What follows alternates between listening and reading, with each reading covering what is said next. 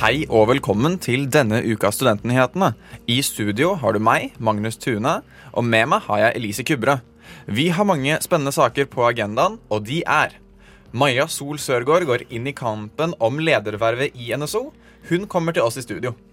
Årets Gullbarbie er kåret, og årets vinner ble Victoria's Secret. Vi har snakket med Oslo-studenten Victoria Øverudland om det. Hva gjorde studentene på valentinsdagen? Våre reportere har tatt turen ut for å snakke med studentene. Hvordan kan du som hører på redde liv? Og til slutt får vi besøk av FPU og Venstrealliansen for å diskutere situasjonen i Ungarn og kjønnsstudier. Men først skal dere få ukas nyhetsoppdatering. Onsdag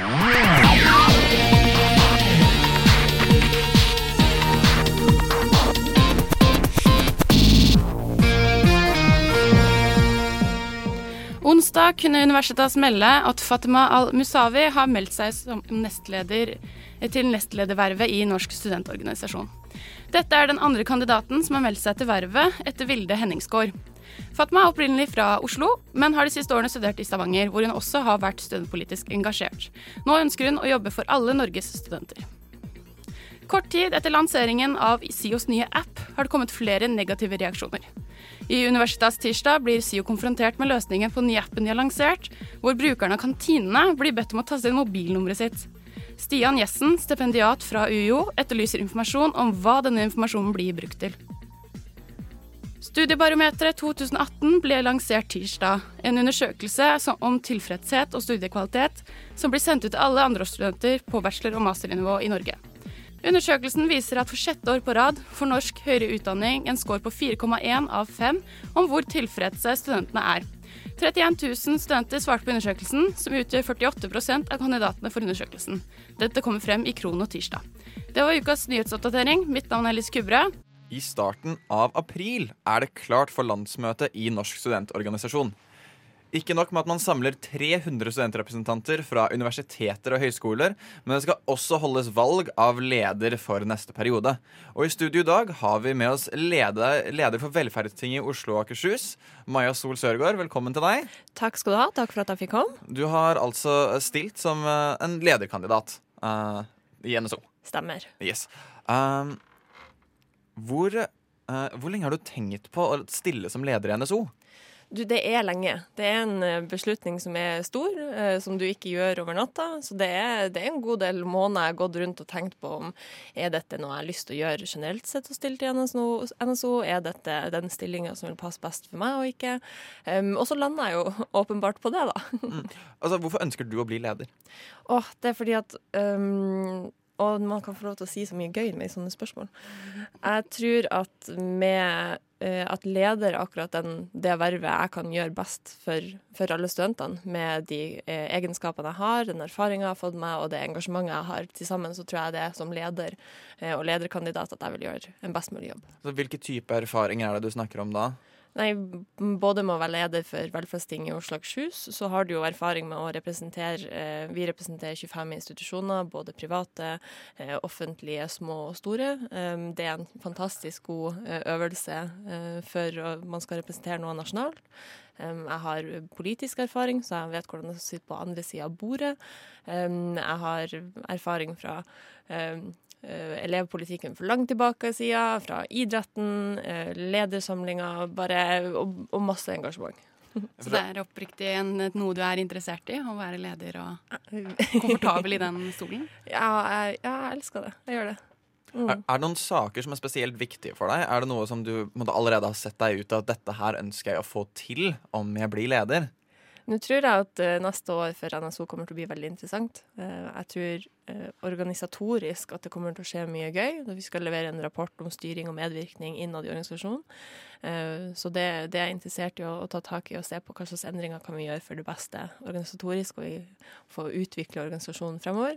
Men ellers så er jo jeg veldig opptatt av studenter og karriere det syns jeg er veldig morsomt. det at um, Jeg syns det er trist da, at man som student går inn i studiene sine, og så tenker man egentlig ikke så veldig mye på hva skal man gjøre etterpå. Uh, vet ikke helt som, hvor mange muligheter det finnes i jobb jobb utafor. Altså, syns jeg det er trist at ikke man får knytta arbeidslivet tettere til studiene. Um, så det tror jeg at, uh, blir et av mine hovedfokus. For dette her med sånn relevant praksiserfaring i studiet har jo vært en, en, debatt lenge. Men du har jo enkelte uh, skoler og universiteter som gjør det bra akkurat der sånn. Er det noen spesielle da du ser for deg at disse gjør det bra, denne modellen burde vi fortsette med? Jeg tror det er veldig individuelt fra studie til studie. Og så tror jeg man uansett har mye å gå på. Eh, på BI f.eks. så har man et semester eh, på tredje året hvor du kan ta internship. Her er det lagt opp til at du kan ta internship, men samme halvår er også lagt opp for at her kan du ta utveksling. Og da må du plutselig velge mellom dem. Skal jeg dra på utveksling, eller skal jeg ta et internship? Og da, eh, Det er også uheldig at det skal gå på bekostning av hverandre. Så der tenker jeg at man har mye å gå på der òg. Du studerer altså bachelor i kommunikasjon ved Handelshøyskolen BI. Mm. Er det noe derfra som du har lært deg, som du føler at dette her er relevant, kanskje ny uh, informasjon og ny erfaring å ta med seg inn i en lederrolle i NSO? Jeg tror man kan lære veldig mye av uansett hva man gjør. Eh, jeg bruker å si at ingenting er så ondt at det ikke er godt for noe.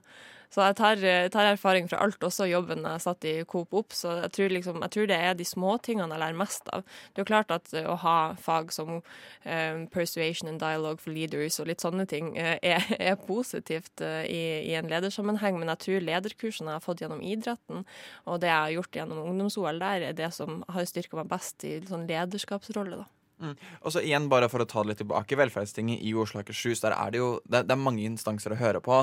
Uh, det er et stort demokrati som tar ganske lang tid. Uh, og NSO uh, eh, fungerer litt på samme måten. Er, det, på en måte, er du klar for den, den opptrappinga, da? For, altså igjen, Velferdstinget, der har du 26 representanter eller et eller annet sånt. Det er i hvert fall mange representanter, men her er det plutselig 300 studentrepresentanter som skal velge. Den opptrappinga, er det skummelt?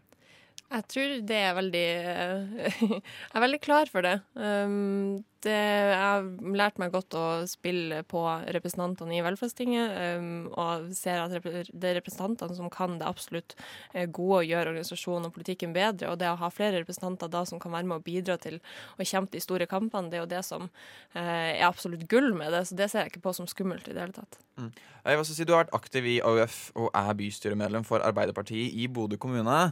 Um, hvordan tror du din tilknytning til Arbeiderpartiet vil ha å si? Altså I forhold til uh, å jobbe som NSO-representant, uh, blir det noe Arbeiderpartipolitikk inn som leder her?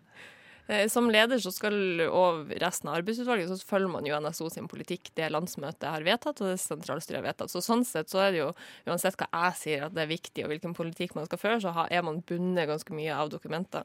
Um, så derimot så jeg kommer ikke til å være noe politisk farga, og det er også veldig deilig for min del, det at jeg kan eh, jeg klarer å skille hattene veldig godt, siden at mitt politiske, partipolitiske engasjement er en og en halv time med fly unna. Det er sånn over polarsirkelen. Der, eh, der, kan jeg holde på med det, mens her er det bare eh, studentpolitikk og studentvelferd jeg bryr meg om. Men så er det jo kjekt, for da kan man jo ha forskjellige typer eh, kontakter og nettverk rundt omkring som gjør at det er lettere å komme seg inn i, i beslutningsorganer. Så går det an å utnytte også. Men, men det er jo en sånn måte, man, man, er jo allerede litt politisk farga. Så når man sitter på en måte i debatter med uh, kunnskapsministre og må møte på en måte, må snakke opp mot den borgerlige regjeringen for å få gjennom sakene, uh, kommer ikke da på en måte det politiske engasjementet til å måte, være en utfordring for deg? da, Å holde deg på en måte saklig og ordentlig? Det jeg elsker med studentpolitikken, det er at man kan ta kjempe for akkurat denne saken. Eh, det er ikke det store bildet du må se på. Det er ikke jeg som er politikeren på andre sida av bordet som skal gjøre prioriteringer. Jeg skal kjempe for at denne saken det er det som er det viktigste akkurat nå. Um, og jeg elsker å kunne ha den litt idealistiske rollen også. Uh, og nå i dag som leder av Velferdstinget, så drar vi jo også ut og snakker med politikere på tvers av alle for å fremme vårt budskap for å få igjennom det beste for studentene inn i partiprogrammene deres eller på rådhuset. Uh, så det er jeg ikke redd for. Nei. Tusen takk for at du kunne komme, Maja Sol Sørgaard, lederkandidat i Norsk studentorganisasjon. Jeg vil også si at alle studenter ved de fleste høyskoler og universiteter kan stille til valg i NSO, sånn at hvis du som hører på har en liten lederspire, uh, så er fristen for å stille som leder for arbeidsutvalget til sentralstyret det er den 9. mars. Og det kan du lese mer om på student.no. slash valg. Og hvert år gir Press, eh, Redd Barna eh, sin ungdomsorganisasjon, ut en pris til den kommersielle aktøren som er best på å få ungdom til å føle seg verst. I den anledning får de tildelt en Barbie lakkert i gull. Årets vinner er Victoria Secret med 40 av 60 000 stemmer, og slo dermed ut de to andre nominerte Gymshark og Snapchat. Vi har pratet med Victoria Øverland, som er lærerstudent ved Oslo OsloMet, for å høre hva hun mener om årets Gull-Barbie. Det har jo vært en prosess der veldig mange kjeder og merker har vært mye mer bevisste på å ha modeller i alle, alle størrelser. Eh, og det er jo, Der har ikke Victoria's Secret hengt med.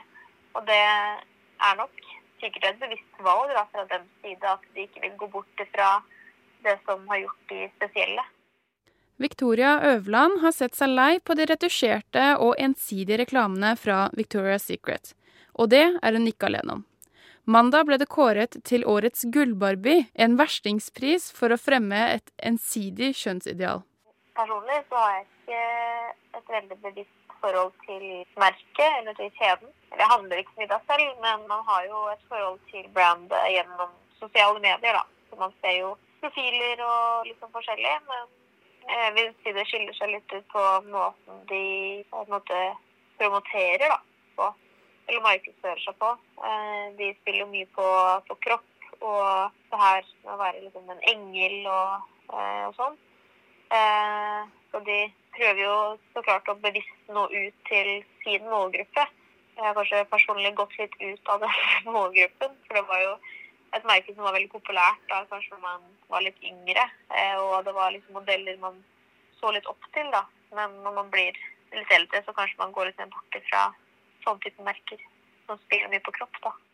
I år har det vært en tredobling av stemmer, og ca. 60 000 personer har stemt på årets nominerte. Tidligere var Snapchat svært omdiskutert, men det ble altså Victoria's Secret som stakk av med seieren. De fikk også prisen i 2013, som gjør at det for første gang er en aktør som har vunnet prisen to ganger. Men har egentlig disse aktørene så stor påvirkningskraft som gjør det nødvendig med en slik pris? Altså, det skal, jeg tror det skal ganske mye til for at man skal slutte å la seg, eller la seg bli påvirket da, av store kommersielle aktører. Sånn som Victoria's Secret eller andre store kjeder. da. Eh, og så lenge de bidrar til å skape et usunt forhold til f.eks. kropp, eh, så mener jeg at det er fortsatt aktu altså det er aktuelt ennå. Eh, så, så lenge det på en måte finnes aktører som som sagt er med på å skape et usunt forhold til kropp, eller hvilken fasong man har, så tror jeg det er aktuelt. Reportere i saken var Maria Messaros og Elise Kubre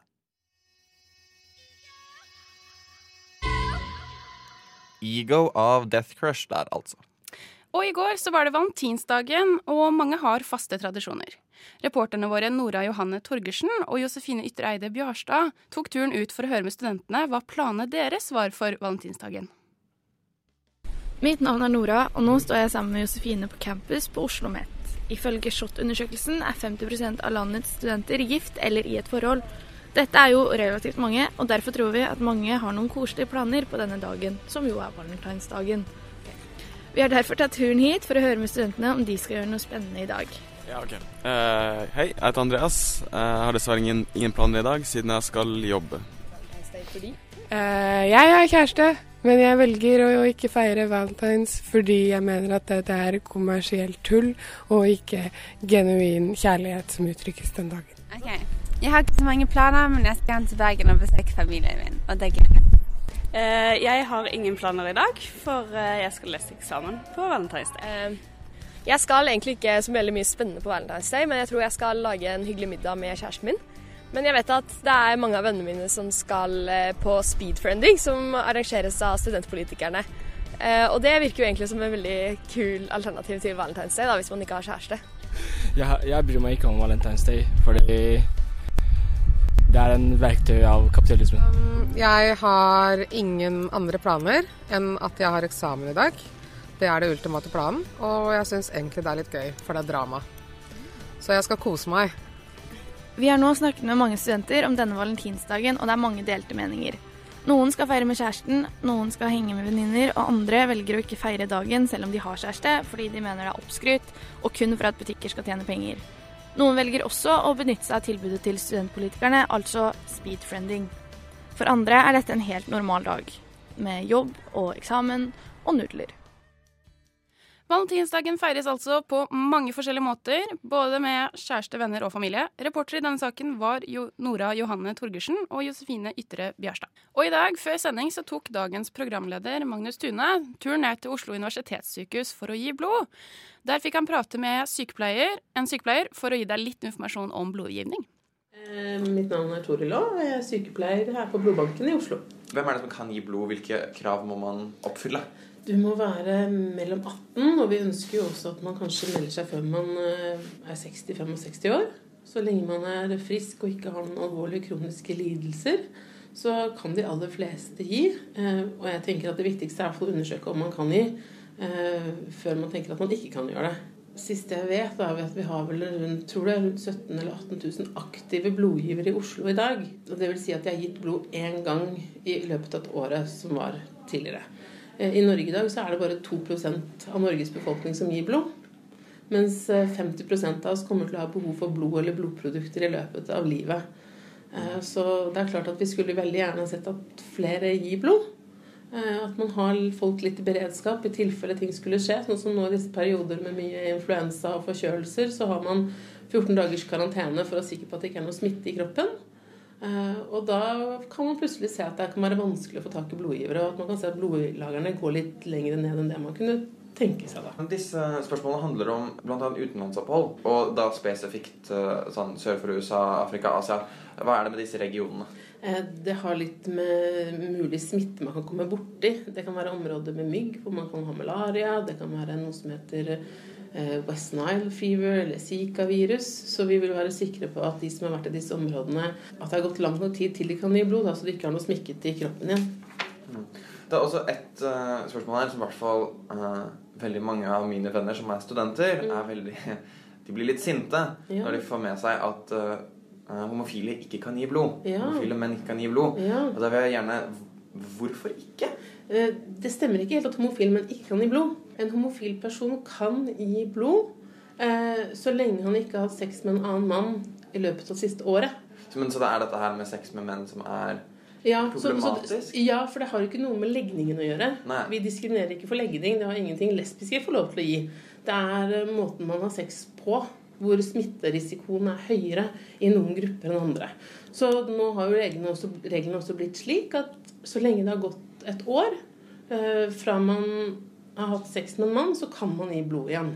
Ja, så det her har det blitt bedre. Og man håper jo at etter hvert som testene blir bedre, at man også kan vurdere sånne ting. Vi følger jo bare eh, direktiver fra Helsedirektoratet, og det må vi jo gjøre.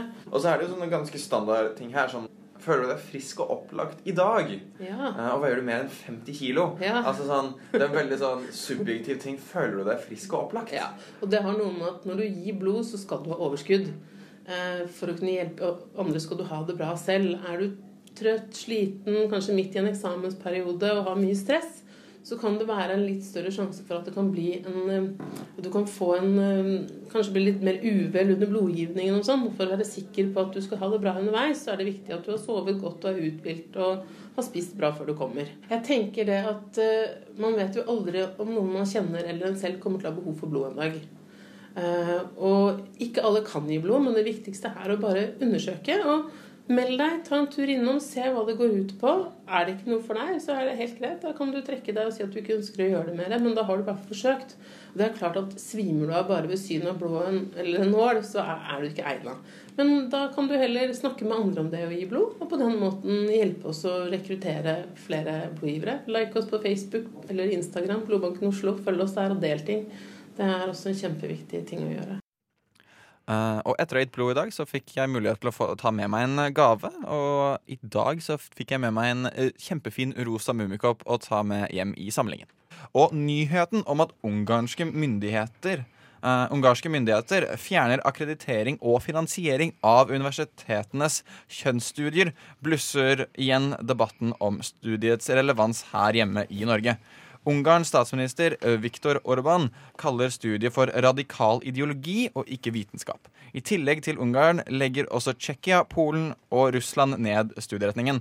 Eh, I studio med oss akkurat nå har vi med oss Ole Jakob Warlo fra FPU og Ronja Gulbrandsen fra Venstrealliansen. Hei sann til dere. Hei sann. Eh, jeg vil også si Johan Hertzberg, altså førstekandidat for Fremskrittslista, har tidligere ytret sitt ønske om å legge ned kjønnsstudier. Eh, så eh, Ole Jakob, deler du Hertzberg syn? For å gjøre det helt klart, altså vi, er ikke imot å legge ned kjønnsstudier, men vi ønsker mer markedsbasert utdannelse. Og det vil si at Hvis ikke studentene får seg en relevant jobb etter utdanningen, så ønsker vi at antall studieplasser skal reduseres tilsvarende. For det som er Problemet nå er at mange studenter de kommer seg ikke ut i relevant jobb. Eh, og Da må du tenke på skattebetalerne også, for da kaster vi skattebetalernes penger rett ut av vinduet. For det er viktig at Når du utdanner deg, skal skal du få en relevant jobb. Og det er ikke tilfellet nå, for det er altfor mange som eh, regelrett eh, utdanner seg til å bli arbeidsledige. Ja, for det er jo dette her med at han har jo gått, spesielt Hertzberg har gått ut og sagt at det, det arbeidsrelevante finnes ikke, men nå som på en måte samfunnet er i forandring, er det ikke mulig at det er flere arbeidsplasser som dukker opp da og dette studiet kan bli mer og mer relevant? Burde vi ikke se framover? Altså, jeg snakker om markedsbasert utdannelse. Altså, og da, da må du selvfølgelig se hva markedet etterspør. Og slik jeg oppfatter det nå, så er det spesielt innenfor eh, IT, eh, ingeniørfag, medisin, juss vi ser virkelig markedet etterspør. Eh, men det som er greia er at hvis du får mer markedsbasert utdannelse, så vil f.eks. på kjønnsstudier og andre ulønnsomme studier, så vil antall studieplasser reduseres. Og da kan vi heller bruke midlene på på um, fag og studier der det virkelig er stor, stor etterspørsel i, eh, i næringslivet. Ja, Ronja, du har en kommentar til dette her. Ja, for det er jo ikke bare at uh, i næringslivet og IT-bransjen hvor, eh, hvor, altså, hvor studenter får jobb nå. Det er jo I politikken nå så er det en kjempedebatt som går på eh, f.eks. at gutter er på dropout-statistikken i videregående utdanning. De faller fra. Eh, menn er de som er flest arbeidsledige. De får ikke barn, de er ufrivillig barnløse. Eh, så det at det ikke Altså, det er jo ikke sånn at disse folka her ikke får jobb, eh, men det går jo inn i politikken, og kjønnsstudier har jo en eh, samfunnsmessig verdi i at det er det, at det er det som er med på å forme velferdspolitikken til den norske staten. Det er det som er med på å sørge for at eh, vi betaler ut mindre trygd, eh, og at hvis alle kan være med på å eh, komme gjennom da, i samfunnet, så har man et mer bærekraftig samfunn, og det er der kjønnsstudier kan være med på å bidra til å forstå hvorfor eh, disse faller fra. da. Ja, for Hvorfor er det viktig at sånn, universitetene forsker og underviser betydningen av kjønn i samfunnet? Men det handler om eh, hvordan mennesket er eh, på en måte bygd opp, og hvordan vi ønsker å forme et samfunn på. Eh, politikk og velferdsstaten er jo bygd opp på eh, idealer og eh, måter man ser på kjønn på i samfunnet. Eh, og det at man har et velferdsstat og altså forskning da, som faktisk viser at menn og kvinner er forskjellige, og at man har eh, forklaringer på hvorfor de faller fra da, i ulike typer samfunn. Det er veldig viktig for å kunne fortsette å utvikle ny politikk, for å kunne fortsette å utvikle velferdsstaten. Eh, men også sånn samfunn, rent samfunnsøkonomisk for å kunne bidra til at man har hele tiden en velferdspolitikk som, eh, som bidrar til de problemområdene i samfunnet, da, som Ja. kan hjelpe på støtte og beundring. Ja, Ole Jakob, for Her er det jo poenget med at man skal utdanne hvordan det er viktig å få utdanning til selve samfunnet og kunne lære seg om samfunnet, og ikke nødvendigvis kun arbeidsrelevans. Hva, hvordan er din innstilling til dette? Nei, altså, man, slik, jeg, slik jeg mener, det, du, når du eksempel utdanner deg til å bli for eksempel, eh, så utdanner du deg for kanskje til å bli kjønnsforsker. Eller hvis du utdanner til å bli sosiologi, eller sosio, hvis du studerer sosiologi, så ønsker du å bli sosiolog. Men hvis du ikke får den relevante jobben, så er noe av poenget borte. For Du må tenke på skattebetalerne her, for det er skattebetalerne som finansierer en utdannelse her i Norge hvis det er, når det er snakk om offentlig, offentlig utdanning. Uh, og jeg mener at Når du snakker, du snakker om velferdsstatens bærekraft, vil du si velferdsstaten er bærekraftig når folk utdanner seg til å bli arbeidsledige? Da tenner du på skattebetalernes penger. Det er det vi må tenke på her. For slik eh, offentlig utdanning er nå, så er det en stort pengesluk. Det må du huske på. For det, når vi ser at det er så stor etterspørsel, etterspørsel i næringslivet etter folk som har IT-kompetanse, da bør vi kanskje frigjøre midlene på f.eks. ulønnsomme studier over til de studieretningene hvor det er stor etterspørsel. Og da tenker jeg spesielt f.eks. informatikk på UiO, hvor vi ser det har vært vanvittig etterspørsel og stor, stor pågangsmot de siste årene. Vi trenger flere innenfor sånne i næringslivet, ikke flere kjønnsforskere. Hvor, hvor kan du si meg at det er samfunnsøkonomisk lønnsomt? Hvor er det du har det fra? Nei, altså, En kommentar til det, Ronja. Altså, Utdanner man seg til å bli arbeidsleder? Nei, det mener jeg jo ikke. Eh, men det er jo fordi at eh, kjønnsstudier er veldig relevant i andre eh, samfunnsøkonomiske spørsmål. Som hva for eksempel i kriminalitetsbildet. Det er veldig mange menn som sitter inne i fengsler. Det er menn som blir straffefullt straffeforfulgt til de verste dommene. De sitter lengst inne. Og det er også de som er vanskeligst for å komme seg ut igjen i samfunnet. Og de pengene og midlene man bruker på innsatte, på politioppfølging og også alle andre måte, ordninger og organisasjoner som skal bidra til å få de ut i samfunnet, det er en kjempe samfunnsøkonomisk eh, eh, belastning for skattebetalerne. Eh, og hvis man, kunne, hvis man kunne frigjort plasser i fengsel, hvis færre falt innenfor kriminalitet, så ville man også hatt mer penger som man kunne formidlet utom der. Og det her handler også om utdanning. At hvis man ikke har eh, tall på hvorfor eh, gutter ikke fullfører videregående utdanning, det er jo ingenting som er verre for et samfunn enn at du har eh, halve befolkningen din eh, sliter med å komme seg gjennom utdanning og derfor ikke kan bidra med å betale skatt. Eh, de som ikke kan bidra med å eh, arbeide, eller som må få utbetalt sykepenger mye mer, eller eh, sosial stønad eller arbeidstrygd.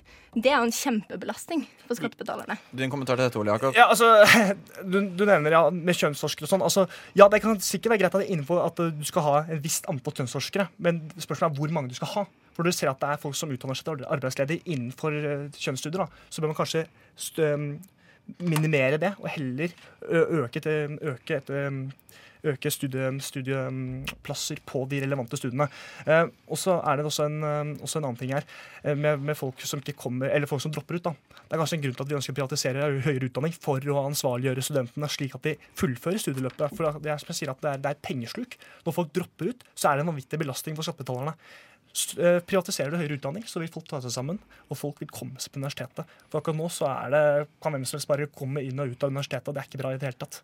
Altså det, er jo, altså det er jo en faktum at flere og flere dropper utdannerne. Um, um, regjeringen har jo tatt stegene for å prøve å hvert fall gjøre det litt mer dyrt for studentene å gjøre det. Men er det veien å gå? Altså Er det et unødvendig pengesluk? Vil privatisering effektivisere utdanning? Jeg mener at jeg absolutt ikke vil det. Jeg mener at utdanning er et offentlig ansvar. Eh, det er eh, Altså, alle mulige slags områder da, i, eh, i samfunnet vil nyter godt av at folk tar høyere utdanning, og at man får eh, mange områder der man kan spille på. Eh, og kunnskap er makt. Eh, privatisering, når du snakker om å ansvarliggjøre studentene, så er det du egentlig snakker om, er bare å gi dem enda mer gjeld. Sånn at de ja, men Det er jo akkurat det du snakker om i privat sektor. Ja, for det er derfor vi holder staten utenfor utdanningen. Nei, men Det er det som kommer til å skje. at De får, de får høyere gjeld, de har vanskeligere for å kunne betale det ned. Det blir vanskelig å komme inn på boligmarkedet. Det har veldig store ringeffekter å privatisere eh, høyere utdanning. Eh, og jeg mener at eh, når, du på, når, du forsker på, kjønn, så forsker du på den mest relevante samfunnsfaktoren som påvirker eh, som påvirker det samfunnet vi lever i i dag. Det er den største inndelingen der vi skiller eh, kulturelt og biologisk eh, menneskene. Og innad, også liksom mellom menn og kvinner, så har du masse kulturelle eh, faktorer som eh, som er med på å på en måte bestemme hva slags samfunn vi lever i. Eh, og det er veldig forskjellig fra f.eks. For et europeisk samfunn og et amerikansk samfunn. Jeg ser du holder på å hoppe ut av stolen her. Du, altså jeg skjønner at det er forskjellige politiske standpunkter. Hva Er det eh, helt forferdelig at utdanning er statlig sponsa? Ja, altså Slik det er nå, så er det jo et pengesluk når folk hopper ut av, av, av utdannelsen sin. Og uh, Du snakker om at det er dyrt. Ja, selvfølgelig er det dyrt pga. at staten er inne og driver markedsmanipulation. Hvis det kun er det private, så blir det konkurranse. Og Da blir det om å gjøre for de beste studentene, og da vil prisene gå ned istedenfor. Eh, eh, men du snakker hele tida om, um, om å forske på kjønn og sånn. da. Nå er det sånn at I FBU vi ønsker å fjerne juridisk kjønn. Da vil du slippe enhver form for kvotering, og da vil det være totalt irrelevant hva slags kjønnsorgan du har mellom benene. Um, og så er det, det, er viktig, det er viktig å ansvarliggjøre studentene også. Og så er det også viktig å tenke på at uh, altfor mange som utdanner seg til å få seg en jobb som ikke er relevant. Og det vi også trenger, er folk som tar uh, yrkesfag. Vi ser det er altfor få som går yrkesfag. Og jeg tror at Hvis vi for privatiserer utdann høyere utdannelse, samtidig vi får flere over på yrkesfag, så vil det være også mye mer lønnsomt. For slik det er nå, så er det altfor mange som heller burde vært uh, tatt yrkesfag eh, enn å være på universitetet og eh, studere noe som de egentlig aldri kommer til å ha bruk for. Men poenget, altså sånn, Konkurranse vil jo ikke nødvendigvis gjøre at det blir billigere. vet du det? Altså det er jo på en måte Hvorfor vil konkurranse i privat sektor bringe ned prisene? Burde man ikke ha en standard? Burde man ikke ha en stat som sørger for at så mange som mulig utdanner seg, framfor at da man må inn med egne penger for, eller da penger man får av foreldre, whatever, Nei, for si å kunne studere? Jeg vil ikke si det. For det første så kan du jo, kan du bl.a. Eh, etterspørre fri, fri, arbeidsinnvandring fra EU, noe som er nå, annet. Uh, uh, og så er det også at det er, Jeg ser ikke på hvorfor det er så viktig å utdanne så veldig mange. Hvorfor er det så viktig? Det viktigste er at du klarer å få de dyktigste folkene innenfor det arbeidsfeltet ditt, istedenfor at du bare tar og utdanner så og så mange og, uh, innenfor en viss sektor. Da. Og vi ser at det er så mange som heller ikke får seg en relevant jobben. Da mener jeg noe er galt. Og da må man også tenke seg gjennom kanskje to ganger før du begynner på det studiet. Og så er det veldig viktig da, at som Frp også ønsker i regjering, vi ønsker å gjøre om på på finansieringsmodellen. For slik det er nå, så får universitetene eh, midler etter hvor mange som klarer å stå på eksamen. Hvis du heller gjør sånn at, at universitetene får, får, utbetalt etter hvor mange som kommer seg til relevant jobb, så vil kanskje universitetene tenke seg om gjennom én ekstra gang før de setter et tak på hvor, være, hvor, mange det bør være på hvert studie. Hvis du da skjønner at det blir mer markedsbasert, og de får, eh, de får, penger etter hvor mange som får seg jobb, så bør de kanskje øke eh, antall studieplasser på de stedene der det er stor etterspørsel i, næringslivet. Og da er det igjen eh, ingeniørfag, IKT, medisin istedenfor sosiologi og eh, kjønnsstudier. Så vi ser mange utdanner seg til å bli arbeidsledige på. Har Du en kommentar på, altså det? Jo, du kommer jo med veldig mange gode løfter her. Om det virker i praksis, er jo ikke helt sikkert. Det er ikke den ordningen vi har nå. Ronja, hva tenker du om disse ideene?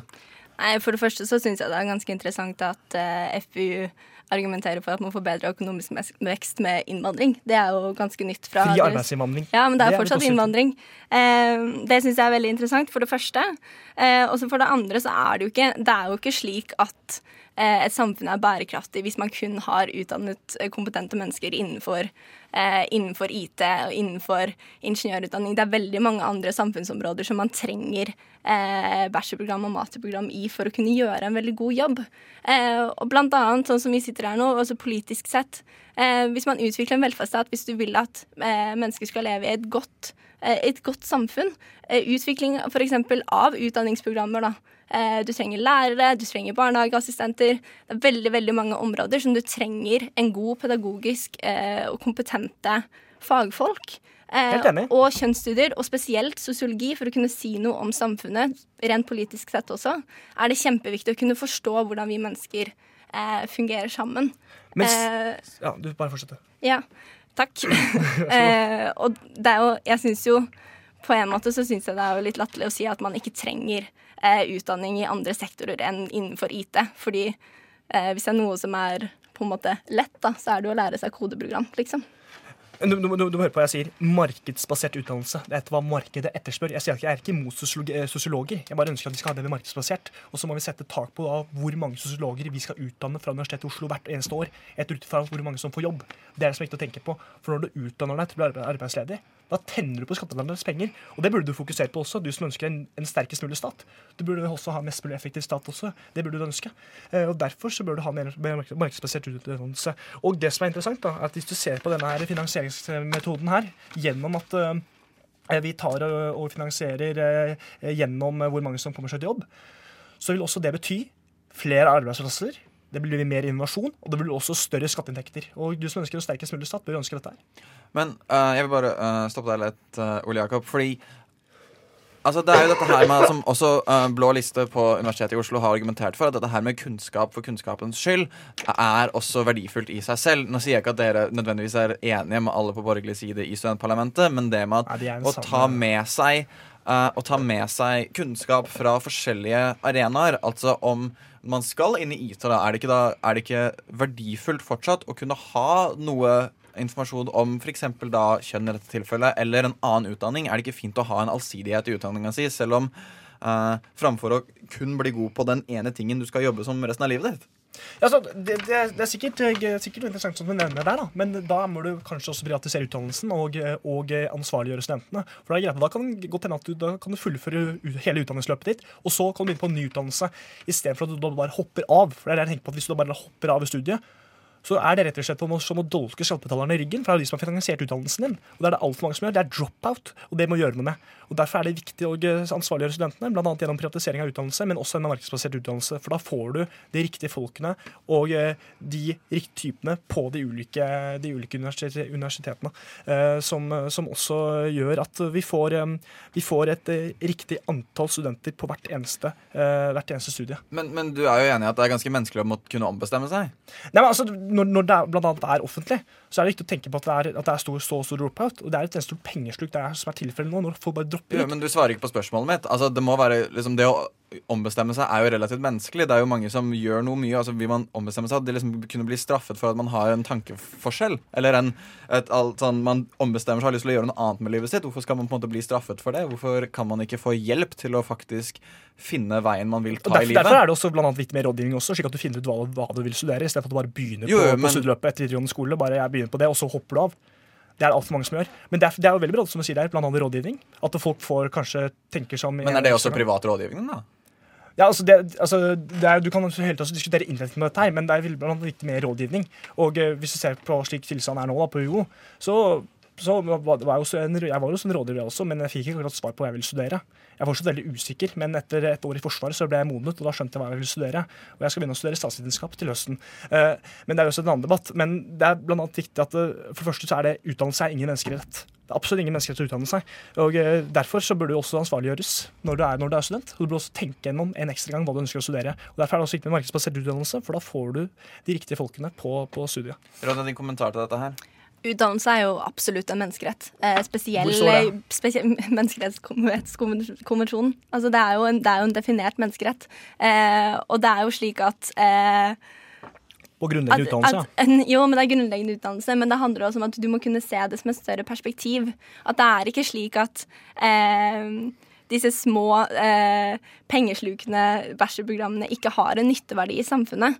Fordi at samfunnet er bygd opp av så veldig mye mer. Eh, og jeg kjenner jeg blir ganske provosert når du, når du sier at eh, sier at disse tingene her ikke har en verdi i samfunnet. For da legger mer ut f.eks. Eh, politisk standpunkt, eh, statsvitenskap, hvordan man eh, demokratiet, hvordan det er utformet. Alt det her er jo kommet gjennom utdanning og forskning på områder som f.eks. sosiologi, og det har kommet fra kjønnsforskning. Det er, en, det er en kombinasjon av veldig mange ting. Og hvis du skal kunne ha et, et utdanningsverk som kun eh, utdanner IT- og ingeniørfolk, så vil du, ikke du vil, Nei. Ja, fortsett, bare fortsett. så vil du ikke kunne ha de eh, grunnsteinene hvor du bygger opp et eh, sosialt kompetent samfunn som kan svare på de største spørsmålene i samfunnet vårt. F.eks. miljøspørsmålet. Hva skal vi gjøre i fremtiden? Det er jo et kjempevirvar av kombinasjoner mellom sosiologistudier eh, eh, når man forsker på eh, naturvitenskapen, og også spesielt ingeniør, hvordan man kan utvikle nye bærekraftige eh, bedrifter eh, eller løsninger på samfunnsproblemer. Da. Ja. Jeg må, jeg, vet- jeg, sitter- du sitter inne med mye, men vi er dessverre tom for tid. Eh, Ok, vi er nødt til å stoppe der. Eh, uh, tusen takk for at jeg fikk komme. Altså, vi startet med en debatt om kjønnsstudier. Dette gikk litt videre, men det sier jo at dette her knytter veldig mye mer enn kun det ene studiumet. Mm. Eh, tusen takk eh, til eh, Ronja Gulbrandsen og Ole eh, Jakob Warlo fra henholdsvis Venstrealliansen og FPU.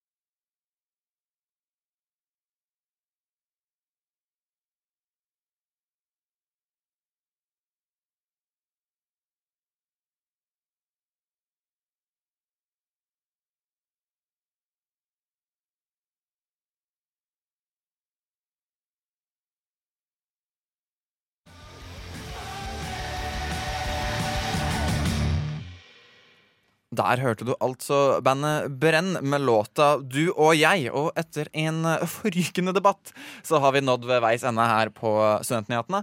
Um, vi, jeg vil igjen si tusen takk til alle gjestene som kom. Maja Sol Sørgaard, Ole Jakob Warlo og uh, Ronja Gulbrandsen. Um, mitt navn er Magnus Tune. Med meg i studio har jeg hatt Elise Kubberød og vår eminente tekniker Celine Stensrud. Uh, nå, dere kan høre på oss i podkast på soundcloud.com. slash studentnyhetene. Uh, vi er ute på Spotify. Og uh, følg oss på Facebook, Instagram, overalt. Ha en strålende fredag, og takk for oss.